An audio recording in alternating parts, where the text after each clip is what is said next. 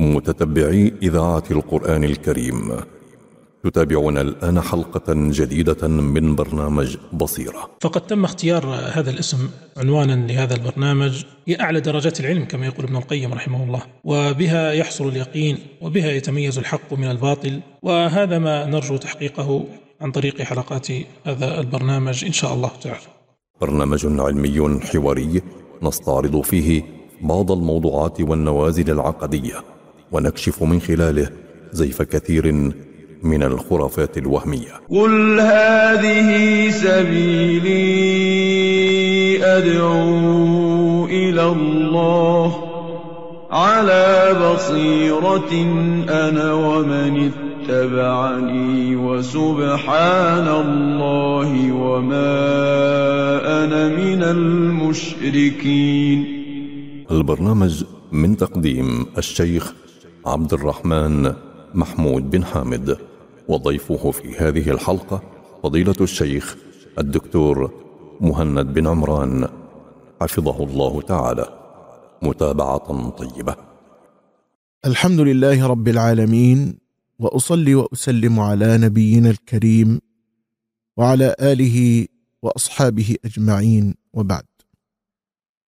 فهذا هو المجلس السادس بفضل الله سبحانه وتعالى من مجالس برنامج بصيرة والذي يبث عبر أثير إذاعة القرآن الكريم. إخواني الكرام أخواتي الكريمات لقاء آخر جديد مع ضيفنا المبارك الدكتور مهند بن عمران باحث في الدكتوراه بالجامعة الإسلامية في المدينة النبوية. أرحب بكم دكتور مهند. مرحبا بكم فضيلة الشيخ عبد الرحمن ومرحبا بالمستمعين الكرام. بارك الله فيكم واحسن إليكم. آه، دكتورنا آه، طبعا هذا هو المجلس السادس. كما يقال قطعنا أشواط في التعريف ببعض الأفكار المنحرفة والتي آه، سميتموها دكتور مهند خرافات. وهي فعلا يعني خرافات فأي شيء يعني منحرف عن ومائل عن العقيدة الإسلامية الصحيحة هي هو في الحقيقة خرافة. آه، دكتور آه، ما زلنا يعني في نفتح آه، بعض ملفات الخرافة لنكشف ما تتضمنه من انحرافات عقدية ليكون المسلم والمسلمة على بصيرة وعلم. وسنتحدث اليوم إن شاء الله تعالى عن موضوع كثر الحديث عنه في السنوات الأخيرة بل وأصبح محط اهتمام بعض الشباب والشابات حتى صارت تقام مئات بل آلاف الدورات في العالم للتدريب عليه. وكذلك تؤلف فيه العديد من الكتب والتي بلغت النسخ المباعة من بعضها أكثر من عشرين مليون نسخة. حديثنا اليوم سيكون عن قانون الجذب. فما هو دكتور قانون الجذب؟ ولماذا سمي قانون أصلا؟ بارك الله الحمد لله وحده. والصلاة والسلام على من لا نبي بعده. أما بعد. فينبغي أن نعرف في البداية آه، أن قانون الجذب هو أحد القوانين التي تسمى بالقوانين الكونية نعم. الروحانية. كقانون الاستحقاق وقانون الامتنان وقانون الكارما وغيرها من القوانين التي يسمونها بالقوانين الكونية. وكثير من هذه القوانين يتم تسريبه تحت غطاء التنمية البشرية وتطوير الذات. إلا أن هذا القانون يعني قانون الجذب هو أشهرها وأكثرها شيوعا اليوم يعني حتى على المستوى المحلي في ليبيا. نعم. تسميته بالقانون هي تسمية ترويجية غير صحيحة يراد بها التلبيس ليظن المتلقي أنه من قبيل السنن الكونية. التي جعلها الله في الكون. نعم. ولذلك عندما يسوق للمسلمين يطلقون عليه أحيانا قانون إلهي كوني مع أن فلسفة القانون أصلا تتنافى مع عقيدة الإيمان بالخالق في أصلها كما سيأتي. نعم. فقانون الجذب هو عبارة عن خرافة قديمة تم تحديثها وعرضها بصورة عصرية مختلفة. مفادها أن واقع الإنسان الذي يعيشه إنما هو نتيجة فكره. نعم. فبالفكر والمشاعر يستطيع الإنسان أن يجذب كل ما يريده وكذلك فإن كل ما يحصل للإنسان مما لا يريده إنما هو بسبب خلل في طريقة تفكيره وتحكمه في مشاعره. نعم. ولعلي أذكر هنا بعض التعريفات لهذا القانون من كلام دعاته ومروجيه. نعم. فمن تعريفات المشهورة للقانون عند أصحابه أن الشبيه يجذب إليه شبيهه.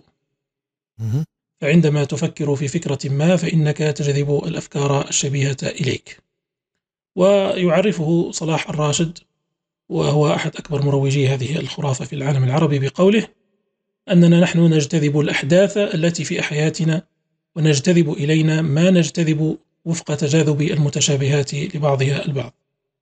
فيعني قانون الجذب يعني أن الإنسان بتفكيره وتركيزه على شيء معين يرسل طاقة اهتزازية تقوم بجذبه إليه.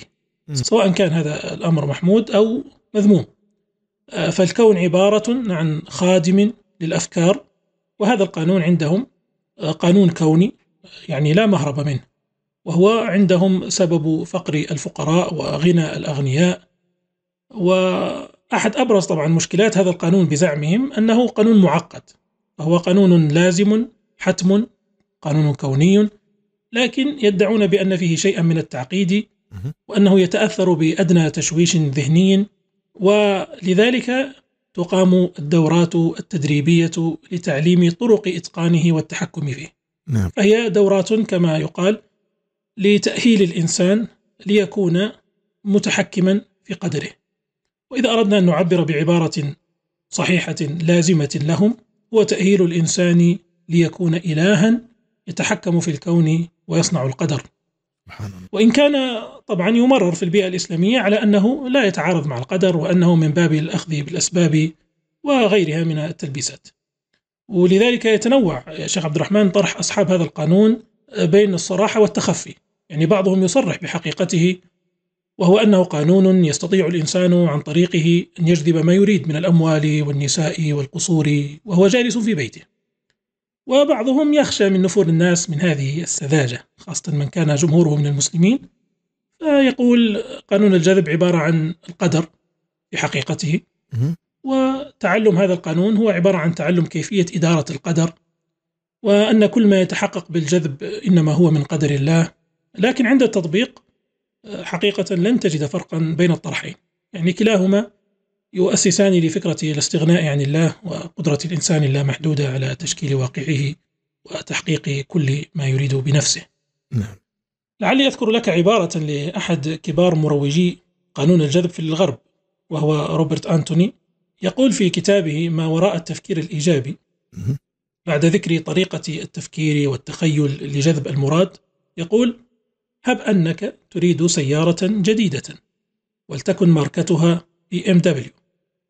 أنت تتخيل السيارة وتقوي خيالك من خلال العاطفة والتفاصيل والتكرار وبعد ذلك بشكل مفاجئ تدخل سيارة تحمل هذه الماركة حياتك. سبحان الله. بل إن روندا بيرن مؤلفة أشهر كتاب في قانون الجذب وهو كتاب السر تقول فيه قانون الجذب يطيع كل أوامرنا تماما مثل جني صلاح الدين. طبعا هذا الكلام مع سذاجته هو زبدة وغاية قانون الجذب. لا بد أن تؤمن وتقتنع بالشيء الذي تريده وتعيش وفق ذلك. حينها فقط سيتحقق ما تريد. فإذا أردت مثلا سيارة معينة فلا بد أن تقتنع بأنها عندك. يعني حتى عندما تركب سيارتك القديمة وتتوقف بك في وسط الطريق إياك أن تفكر لحظة في أنك لا تملك سيارة أحلامك لأنها بذلك لن تأتيك. بل تصرف بناء على أمنيتك ورغبتك وتخيل هذه السيارة الواقفة الآن هي سيارة أحلامك وأنها لم تتوقف إلا لتمنحك لحظة تفكر في جمالها وقوتها. سبحان الله. وليس هذا من باب التهكم عليهم فقط. يعني ففي كتاب السر أعظم كتب الجذب كما ذكرنا تقول روندا بيرون آه، عندما ترغب في جذب شيء ما إلى حياتك تأكد من أن أفعالك لا تناقض رغباتك. ولذلك تذكر في كتابها قصة امرأة أرادت أن يكون لها زوج بمواصفات عالية عن طريق قانون الجذب إلا أن كل محاولاتها باءت بالفشل. ثم إنها انتبهت لكونها لا تعيش وفق رغباتها. فبدأت تعيش رغبتها كما يقال. نعم. فكانت إذا أوقفت سيارتها أمام البيت مثلا تركت مكان لسيارة هذا الرجل المتخيل. الله. ثم إنها أفرغت نصف خزائن ملابسها لتترك نصفا آخر فارغا لهذا الرجل مع عدم وجوده الآن. وهكذا مم. بدأت تعيش حياتها بمفردها لكن كأن رجل أحلامها هذا يعيش معها. ثم تختم القصة بأن هذا الجنون الذي سمعناه قد نجح وأنها حصلت على الزوج الذي تريده.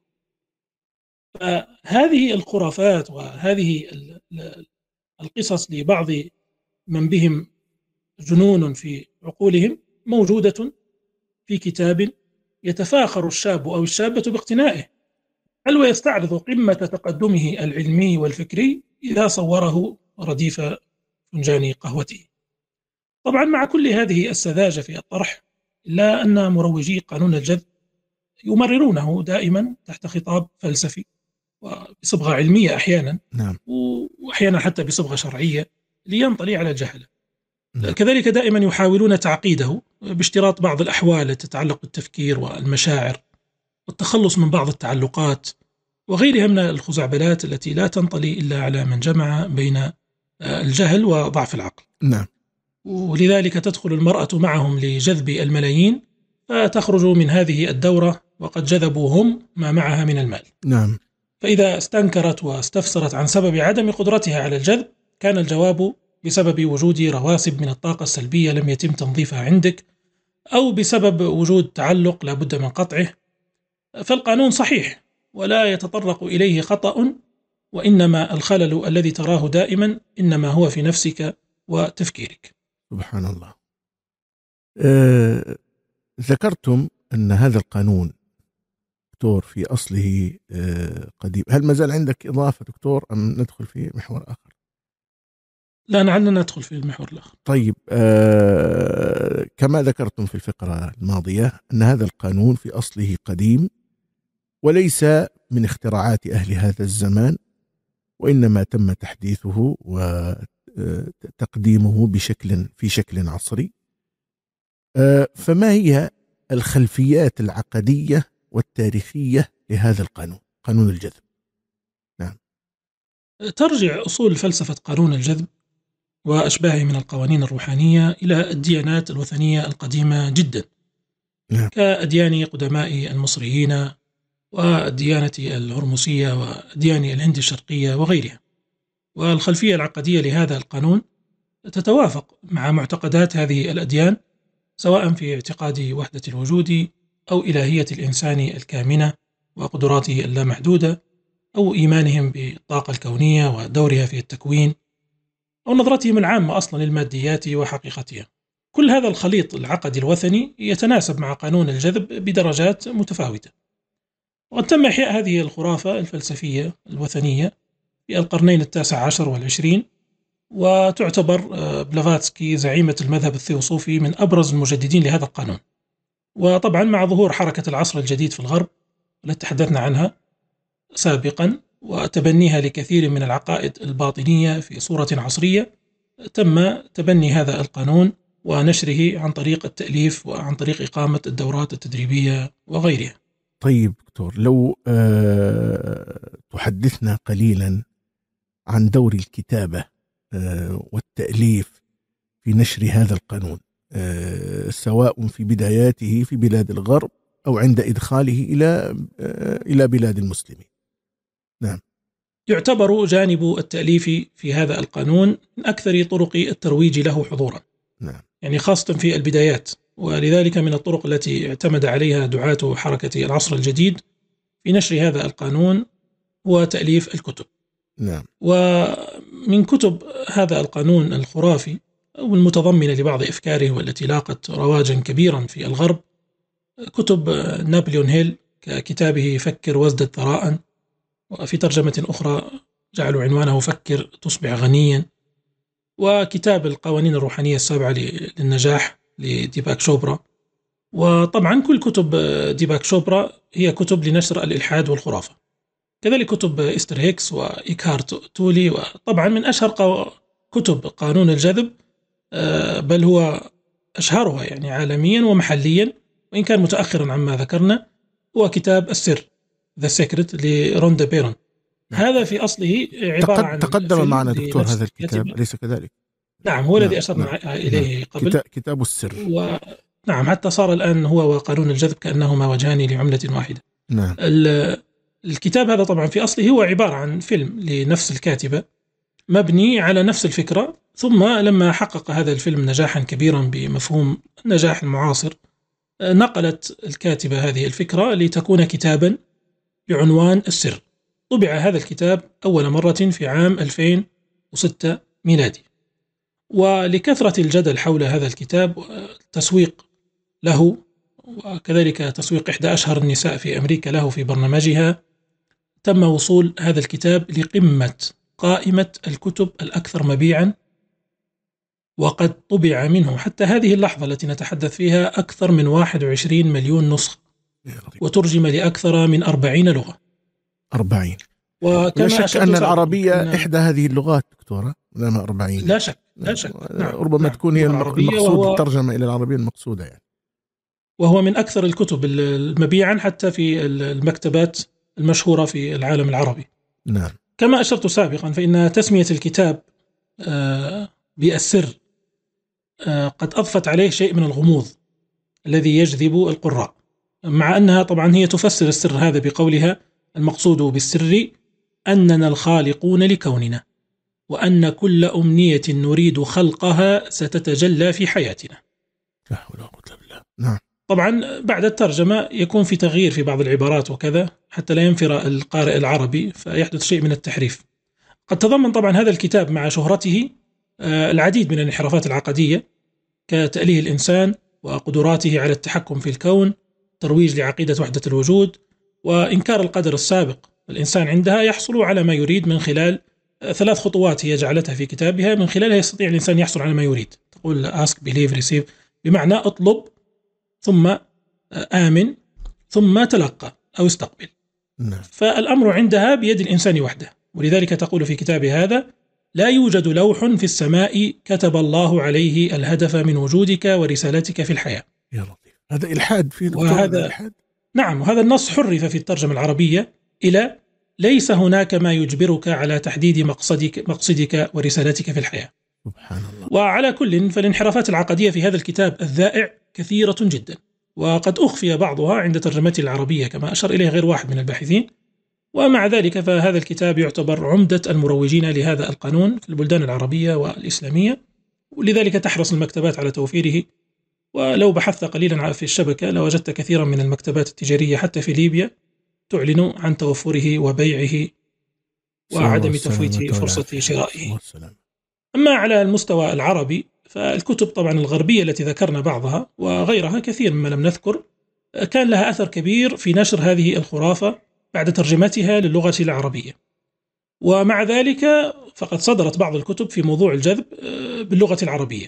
منها كتب صلاح الراشد آه، كتاب رسالة من الكون وكتاب قانون الجذب وكتاب السرانديب وغيرها. وكذلك كتب إبراهيم الفقي وكتب سمية الناصر ككتاب كيف تتقن لعبة الحياة وكتابها الأخير Do It أي افعلها. نعم. وقد عنونته باللغة الإنجليزية لجذب فئة الشباب والشابات طبعا المنبهرين بكل ما يحمل حروف الأعاجم. نعم.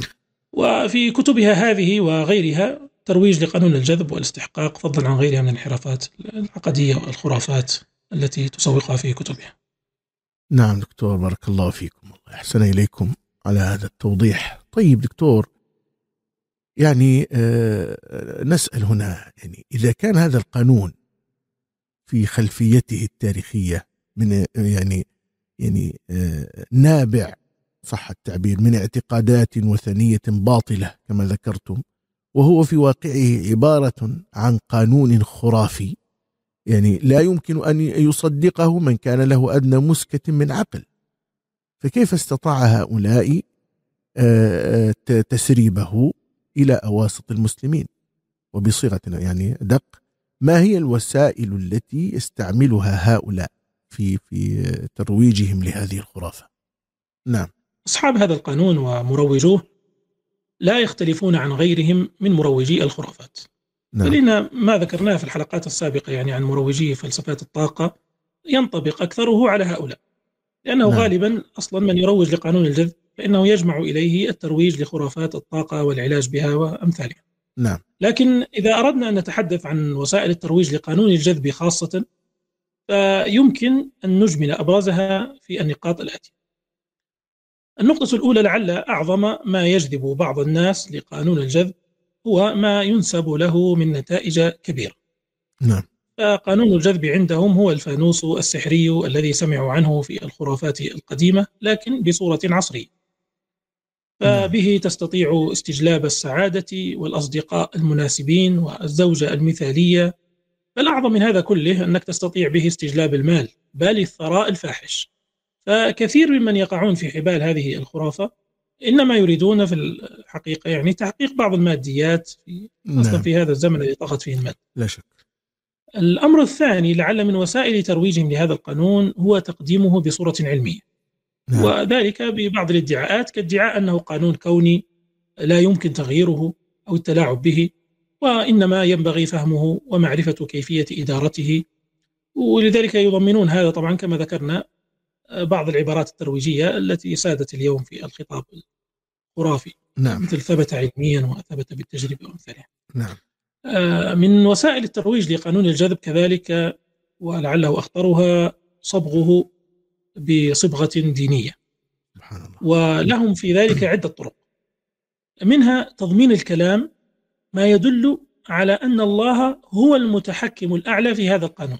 سبحان الله. وأنه واضعه جل وعلا. وهذا سواء في الخطاب الإسلامي أو حتى الخطاب غير الإسلامي الذي يخاطب بعض النصارى أحيانا يضمنون لهم هذه العبارات لأنهم عندهم إيمان بوجود إله وكذا. نعم. ولذلك يقول مثلا صلاح الراشد بعد ذكر بعض خزعبلات قانون الجذب يقول عليه أن يكون متيقنا ويبيت مطمئنا ويثق بأن الله سيكون عند ظنه به. سبحان الله فيدخل في كلامه آه، الثقة بالله عز وجل وأنه يكون عند حسن ظنه به وغير ذلك حتى يمرر هذا الباطل. نعم. وأن هذا كله من التلبيس على الناس.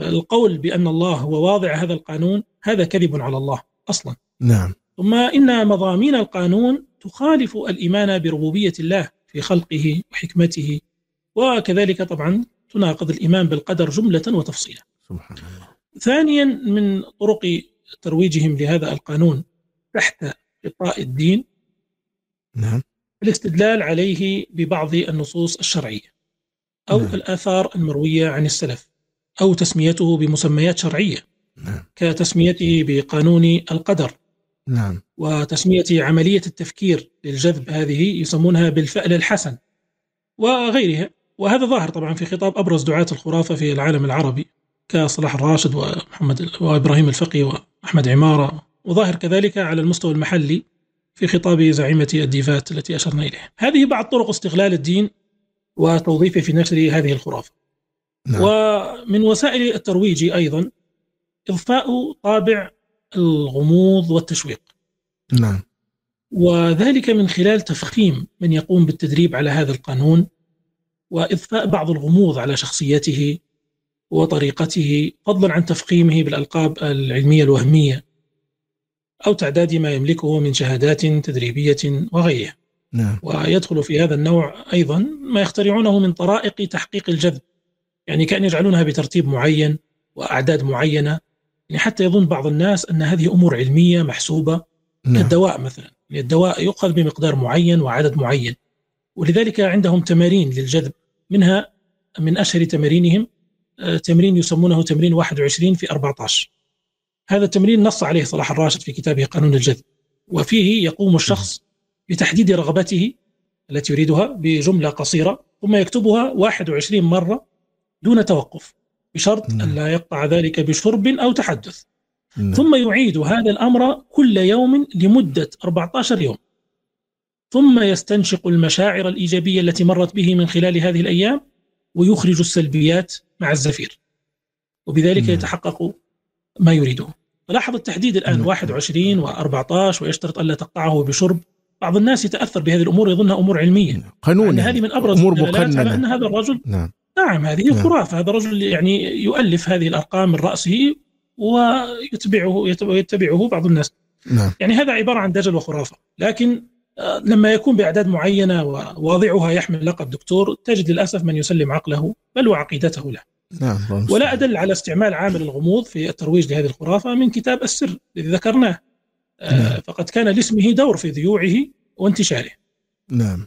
من وسائل الترويج كذلك ال- الإكثار من القصص والتجارب الشخصية التي أكثرها كذب وبعضها من قبيل الموافقة أو الإيحاء النفسي وغيرها من الأسباب التي فصلناها في حلقات سابقة.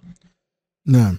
فمن ذلك ما تقوم به إحدى المدربات على هذا القانون في ليبيا من استعمال بعض الحسابات الوهمية التي تضع صورا لحزم من الأموال وتكتب أنه تم استجلاب هذه الأموال وجذبها بعد حضور دورة فلانة. سبحان الله. فتدخل بعض النساء على هذه الإعلانات ربما بدافع الفضول لكن تجد هذه التعليقات الوهمية مع صور توثيقية لأموال كثيرة فتغتر وتقع في فخ الخرافة وتجذب أموالها بدل أن تجذب هي الأموال إليها. نعم.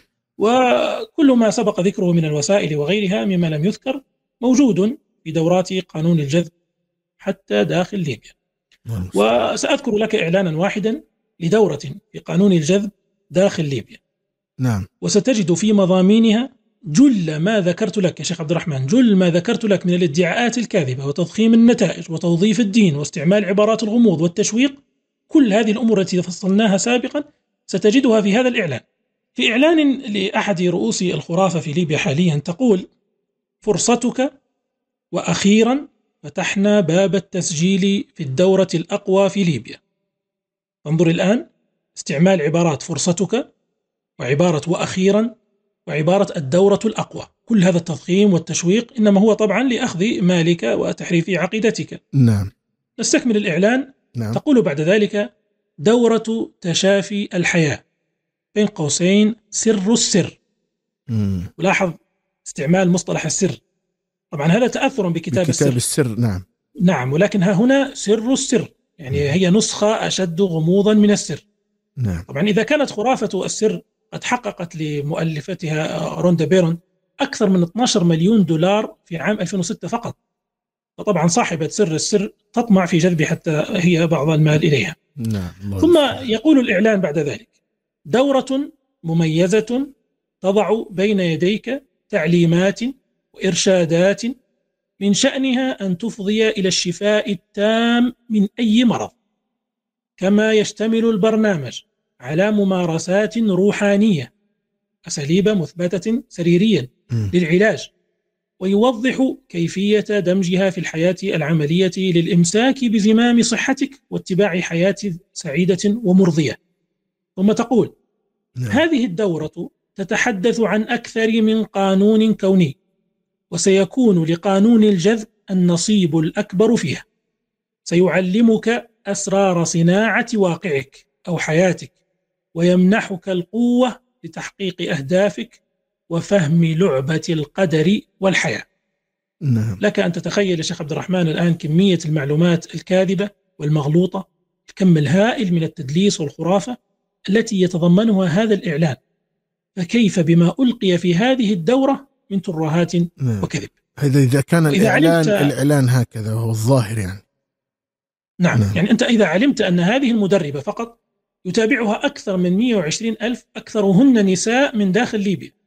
علمت 120 حينها ألف يا دكتور. 120 ألف. نعم. هذا هذا يبين لك حجم المشكلة وعظم الخطر. نعم. وأن صراحة ما تعانيه البلاد من ضعف التعليم عموما والشرعي على وجه الخصوص هو نعم. أحد المنافذ التي تستغل للأسف لنشر الجهل والخرافة. نعم. والله غالب على أمره. نعم. ولكن أكثر الناس لا يعلم أحسن الله إليكم وأعاذنا وإياكم من هذه الأمور وهذه الشرور. آه، دكتور ذكرتم أن من الوسائل التي يستعملها هؤلاء لنشر باطلهم يعني آه، توظيف الدين وصبغ هذا الباطل بصبغة دينية آه، كما في الفقرة الماضية. ولعل هذا هو أخطر أساليبهم على المسلمين ولذلك آه، لعلي دكتورنا الكريم انتهز هذه الفرصة لنناقش بعض أشهر الشبهات التي يقومون فيها باستعمال بعض النصوص الشرعية للتدليل على صحة آه، مسلكهم. وأبتدئ ذلك بعرض أشهر شبهاتهم وهي آه، قانون الجذب ليس إلا حثا للناس على التفاؤل وأن الشريعة دلت على حب النبي صلى الله عليه وسلم للفأل. وربما زادوا فاستدلوا بالمقولة المشهورة تفاءلوا خيرا تجدوه. أه هل فيما سبق ذكره يعني دلالة على صحة آه، قانون الجذب؟ نعم دكتور. بارك الله فيكم. أولا إن التفاؤل المبنية على مقدمات مسبقة آه، أو اعتقادات سابقة يترتب عليها مضي أو أفول آه، إنما هو من جنس الطيرة المنهية عنها شرعا. نعم. أما ما ورد في السنة النبوية من أن النبي صلى الله عليه وسلم كان يحب الفأل كما في قوله صلى الله عليه وسلم لا طيرة وخيرها الفأل. نعم. قال وما الفأل يا رسول الله؟ قال الكلمة الصالحة يسمعها أحدكم. نعم المراد بهذا الفأل ها هنا كما بينه النبي صلى الله عليه وسلم يعني كأن يكون الإنسان عازم على الفعل ماض فيه فيسمع كلمة طيبة دون قصد منه كأن يسمع مثلا شخصا ينادي يا مفلح أو يا منصور أو يا سعيد نعم يبعث ذلك في نفسه السرور نعم. ويزيد حسن ظنه بالله نعم. وتوقع الخير واليسر والفلاح ويعبر شيخ الإسلام رحمه الله عن هذا بقوله نعم. السامع لهذا يعلم أنه لا يقدم ولا يؤخر ولا يزيد ولا ينقص. نعم. ولكن جعل في الطباع محبة الخير والارتياح للبشرى والمنظر الأنيق والوجه الحسن والاسم الخفيف. سبحان الله. هذا ذكرتني ذكرتني دكتور إذا يعني قيل لإنسان يحاج مثلا وهو لم يحج بي بيت الله فيقول يعني يا ريت نحجه وتلقاه يعني فرحان بالكلمة ويا ريت نحجه. مع أنه نعم هو كما قال شيخ نعم. بالكلمة الطيبة. نعم. فالفعل الشرعي آه، هو الذي يأتي عرضا يعني دون ترتيب مسبق. نعم. ويكون راجع إلى قول مسموع أو أمر محسوس لكن يحسن معناه في العقول. نعم. يعني يبعث على الاستبشار يبعث على حسن الظن بالله. وهذا أمر فطري نفسي يعني لا انفكاك عنه أصلا. نعم. لكن تقصد الفعل والاعتماد عليه يجعله طيرة هذا مثل الاستقسام بالأزلام الذي كان يفعله العرب في جاهليتهم. نعم. فنقول الفعل الشرعي له شرطان.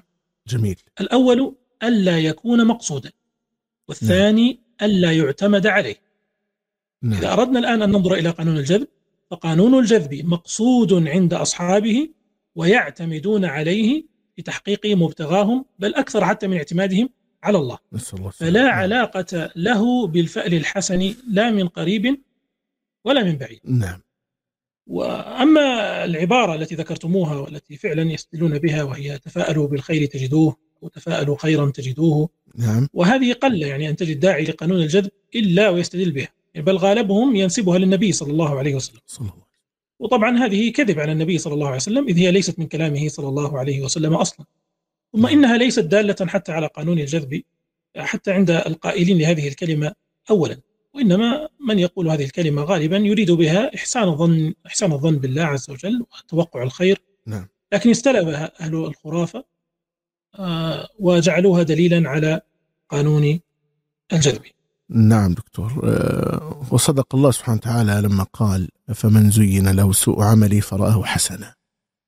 هذا من تزيين الشيطان. حتى الشيطان لما أقسم قال لأزينن لهم في الأرض. يعني يكون دكتور آه، يعني يجعل لهم القبيح أو يزين لهم القبيح. فيراه بعض الناس يعني حسنا وهو قبيح. نسأل الله السلامة أحسنت. طيب آه، لعل دكتور فيه آه، من من الأدلة يعني المعروفة عند أهل الباطل عموما يعني هي يعني مثلا في خاصة في مسألة التوكل دكتور مهند.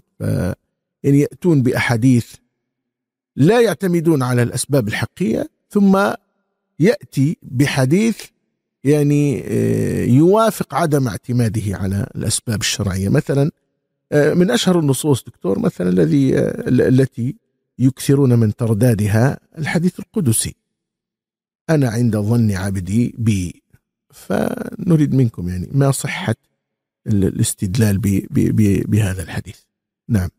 صحيح كلامكم شيخ عبد الرحمن يكثر استدلالهم بهذا الحديث للتدليس على الجهال مع أن الحديث لا علاقة له بمضامين قانون الجذب. نعم. فاولا من يعلم الخلفية التاريخية والعقدية لهذا القانون سيعلم أن أول مبدأ لهذا القانون هو إقصاء فكرة الإيمان بالله إلها حكيما عليما يختار كما يشاء ويفعل ما يريد أنه كتب مقادير كل شيء. لكن عندما تم استيراد نعم. هذا القانون وغيره من القوانين الوهمية طبعا يتم مراعاة البيئة وطبيعة الخلفية الدينية للمتلقي. نعم. ولذلك أدخلوا ضمنه الكلام عن الله بل والاستدلال بالشرع عليه. إن كانوا عند التطبيق غالبا لا ينفكون عن نعم. الانحرافات العقدية الأساسية لهذا القانون. نعم. أما الحديث المذكور فهو حديث قدسي كما ذكرتم أخرجه البخاري ومسلم من حديث أبي هريرة رضي الله عنه. نعم. قال قال النبي صلى الله عليه وسلم, الله عليه وسلم. يقول الله تعالى أنا عند ظن عبدي بي. وأنا معه إذا ذكرني. فإن. ذكرني في نفسه ذكرته في نفسي. وإن ذكرني في ملأ ذكرته في ملأ خير منهم. نعم. إن تقرب إلي بشبر تقربت إليه ذراعا. وإن تقرب إلي ذراعا تقربت إليه باعا. وإن أتاني يمشي أتيته هرولا نعم. فالظن المذكور في هذا الحديث نعم. إنما يراد به رجاؤه من الله الثواب والقبول نعم. والمغفرة للذنوب. ولذلك اقترن في الحديث بالعمل. يعني نعم. يقول النووي رحمه الله في شرح هذا الحديث أنا عند نعم. ظن عبدي بي أي بالغفران له إذا استغفر نعم. والقبول إذا تاب والإجابة إذا دعا والكفاية إذا طلب الكفاية نعم. أما الجذب المزعوم فليس فيه عمل صالح وليس فيه رجاء من الله أصلا نعم. إنما هو اعتماد على الذات بتفكيرها ومشاعرها ثم اعتماد على الكون في استجابته ولذلك نعم. كثير من المدربين على قانون الجذب ينصون على لفظ الكون. يعني يقولون اطلب من الكون بمشاعرك. يقولون سيستجيب الكون وهكذا. نعم. بل إن استدلال هؤلاء بهذا الحديث على قانون الجذب فيه جرأة على الله واعتداء على مقام الربوبية. نعم. لأنهم إذا نظرت في استدلالهم تجدهم يجعلون مشيئة الله تابعة لمشيئة العبد. نسأل الله السلامة. يعني ما شاءه العبد بتفكيره ومشاعره جذبه الله إليه. نعم. فتكون ها هنا مشيئة الله عز وجل إنما هي خادمة لتفكير العبد. تعالى الله عن ذلك علوا نعم. كبيرا. فاستدلالهم بهذا الحديث في الحقيقة متوافق مع أصل العقد لهذا القانون كما ذكرنا. نعم. والحق أن مشيئة العبد تابعة لمشيئة نعم. الله سبحانه وتعالى. وما كله إلا يشاء الله. نعم. نعم. ما شاءه الله كان وما لم يشأه لم يكن, لم يكن. ولو طبق الإنسان قانون الجذب بحذافيره على أن يجذب لنفسه شربة ماء لم يقدرها الله له والله ما استطاع جذبها لنفسه نعم والاستدلالات من الشرع على هذا الباطل وغيره كثيرة جدا يا شيخ عبد الرحمن يعني نعم. يصعب حصرها ولكن نعم. لعل فيما ذكرنا آه، كفاية نعم. إن شاء الله نعم دكتور بارك الله فيك وقت الحلقة يعني يعني يقرب من الانتهاء لعلنا دكتور نختم هذه الحلقة بذكر آه، أبرز المخالفات العقدية في هذا القانون الوهمي وإن كان آه، قد سبق ذكر بعضها في أثناء حديثكم وعرضكم لهذا القانون لكن ربما نأتي على آه، شيء منها ولو اختصارا بارك الله فيكم. نعم. جزاكم الله خيرا شيخ عبد الرحمن نعم. المخالفات العقدية في قانون الجذب كثيرة. نعم. وقد تكون حاضرة كلها في بعض الممارسات لهذا القانون نعم. وقد يتخلف بعضها في ممارسات أخرى. نعم. الا أنه لا يمكن بحال من الأحوال أن تخلو دورة في هذا القانون والتدريب عليه من مخالفة عقدية. أبرز هذه المخالفات على سبيل الإجمال نعم أولا الاعتقاد بوحدة الوجود وانطواء الإنسان على شرارة إلهية وتمكنه من إخضاع الكون والواقع لتفكيره ومشاعره نعم. ثانيا اختلال الإيمان بالقدر إما جملة وإما في بعض مراتبه كمرتبة المشيئة والخلق. وتحريف مفهوم القدر عند بعضهم وجعله مجرد لعبة يحصل منها المراد بقدر إتقانه لها. نعم. مع أن القدر سر الله تعالى والبحث فيه بالظن والعقل مهلكة. نعم. الأمر الثالث اختلال مفهوم العبودية لله تعالى واكتفاء الإنسان بنفسه واعتماده على حوله وقوته. فالإنسان عندهم سيد مصيره وهو خالق واقعه وهو القادر على تغيير أحواله إلى غير ذلك مما يتضمنه طرح هؤلاء بينما نعم. المسلم الموحد خاضع لله تعالى راض بما قدر له نعم. متوكل عليه وآخذ بالأسباب التي أحلها الله له. نعم. فهو وإن كان يسعى ويجتهد في تحقيق مراداته إلا أنه يعلم أن الأمر لله وأنه لن يأتيه إلا ما كتب الله له. وأن الله قسم الأرزاق بين عباده بعلمه وحكمته نعم. لا بحسب فكرهم ومشاعرهم. الموحد يلهج لسانه بلا حول ولا, ولا قوة, قوة إلا إلا بالله. نعم. ويدعو ربه بدعاء نبيه صلى الله عليه وسلم. صلى الله عليه وسلم. اللهم رحمتك أرجو لا تكلني إلى نفسي طرفة عين. وأصلح لي شأني كله. لا إله إلا أنت. نعم. الأمر الرابع والأخير نعم. هدم الكثير من الأخلاق الإسلامية اختلال المفاهيم الاجتماعية كمساعدة الفقير والرفق بالضعيف لأن اعتبار الناس يعتبرون الفقر والمرض وغيرها من الابتلاءات يعتبرونها من علامات حب الله لعبده المسلم. نعم. لكن في قانون الجذب الفقير لا يمكن أن يخرج من فقره إذا استمر في أخذ الصدقات. لكي يغير تفكيره ومشاعره من الفقر إلى الغنى ينبغي أن نتعامل معه على أنه غني. فلا نساعده. وكذلك المريض. بل إن الفقر في مفهوم الجذب هو عبارة عن دلالة على خلل في الفكر وكسل في المشاعر. نعم. فتخيل كيف تكون النظرة الآن إلى الفقير؟ ستكون نظرة تحقير وازدراء.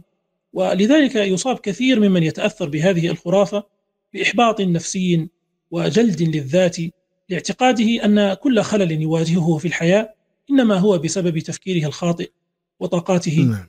السلبية. ولعل في هذا القدر كفاية. والله نعم، الموفق دكتور. وحده للصواب. بارك الله فيكم دكتورنا الفاضل آه على آه هذا الإثراء وهذا التوضيح وهذا البيان منكم. آه بارك الله فيكم وأعانكم على آه نشر دينه وشريعته. وأعانكم وأعاننا وأعان الجميع على التزود من العلم الشرعي والتبصر بحقيقة هذه الأفكار الدخيلة على ديننا الإسلامي العظيم في آه، نهاية هذه الحلقة وهذا المجلس الماتع الذي تكلم فيه الدكتور مهند حفظه الله تعالى عن قانون الجذب وبين آه، الإشكال وبين الإشكال الذي يحيط بهذا القانون من جهة الشرع. استفدنا وإياكم واستمعنا وأنصتنا فله الحمد سبحانه وتعالى أولا وآخرا. إلى مجلس آخر إن شاء الله تعالى يكشف لنا حقيقة من حقائق هذه الأفكار المنحرفة. إلى ذلكم اللقاء. استودعكم الله. السلام عليكم ورحمة الله وبركاته. عبر أثير إذاعة القرآن الكريم تابعنا وإياكم حلقة من برنامج بصيرة. هذا بصائر للناس وهدى ورحمة لقوم يوقنون. برنامج علمي حواري نستعرض فيه بعض الموضوعات والنوازل العقدية ونكشف من خلاله زيف كثير من الخرافات الوهمية.